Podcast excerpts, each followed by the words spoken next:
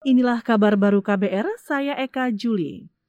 Saudara Presiden Joko Widodo mengingatkan semua pihak harus menghormati proses hukum. Pernyataan Jokowi itu merespon pemanggilan Menteri Komunikasi dan Informatika Joni Plate oleh Kejaksaan Agung. Pemanggilan itu berkaitan dengan dugaan praktik korupsi di proyek BTS Bakti di bawah Kementerian Kominfo. Ya, kita semua harus menghormati proses hukum. Semuanya harus menghormati proses hukum. Itu tadi Presiden Joko Widodo. Sebelumnya pemanggilan Menko Minfo Joni imbas penyidikan Kejaksaan Agung di kasus dugaan korupsi pembangunan BTS 4G paket 1 sampai 5 2020-2022.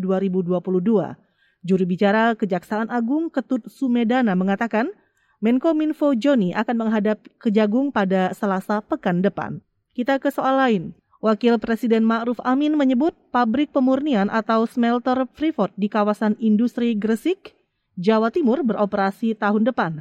Menurutnya, smelter Freeport di kawasan tersebut bagian dari hilirisasi pemerintah. Akan menyerap tenaga kerja yang besar, 200 ribu. Karena itu ini Pak Wakil Gubernur saya kira harus menyiapkan tenaga kerja terampil dan melakukan pelatihan vocational training ya, training vokasi sesuai dengan tuntutan yang ada di sini. Tempat ini masa depan Indonesia, terutama di Jawa Timur saya kira. Smelter di sini diperkirakan sudah mulai beroperasi tahun 2024, Mei 2024.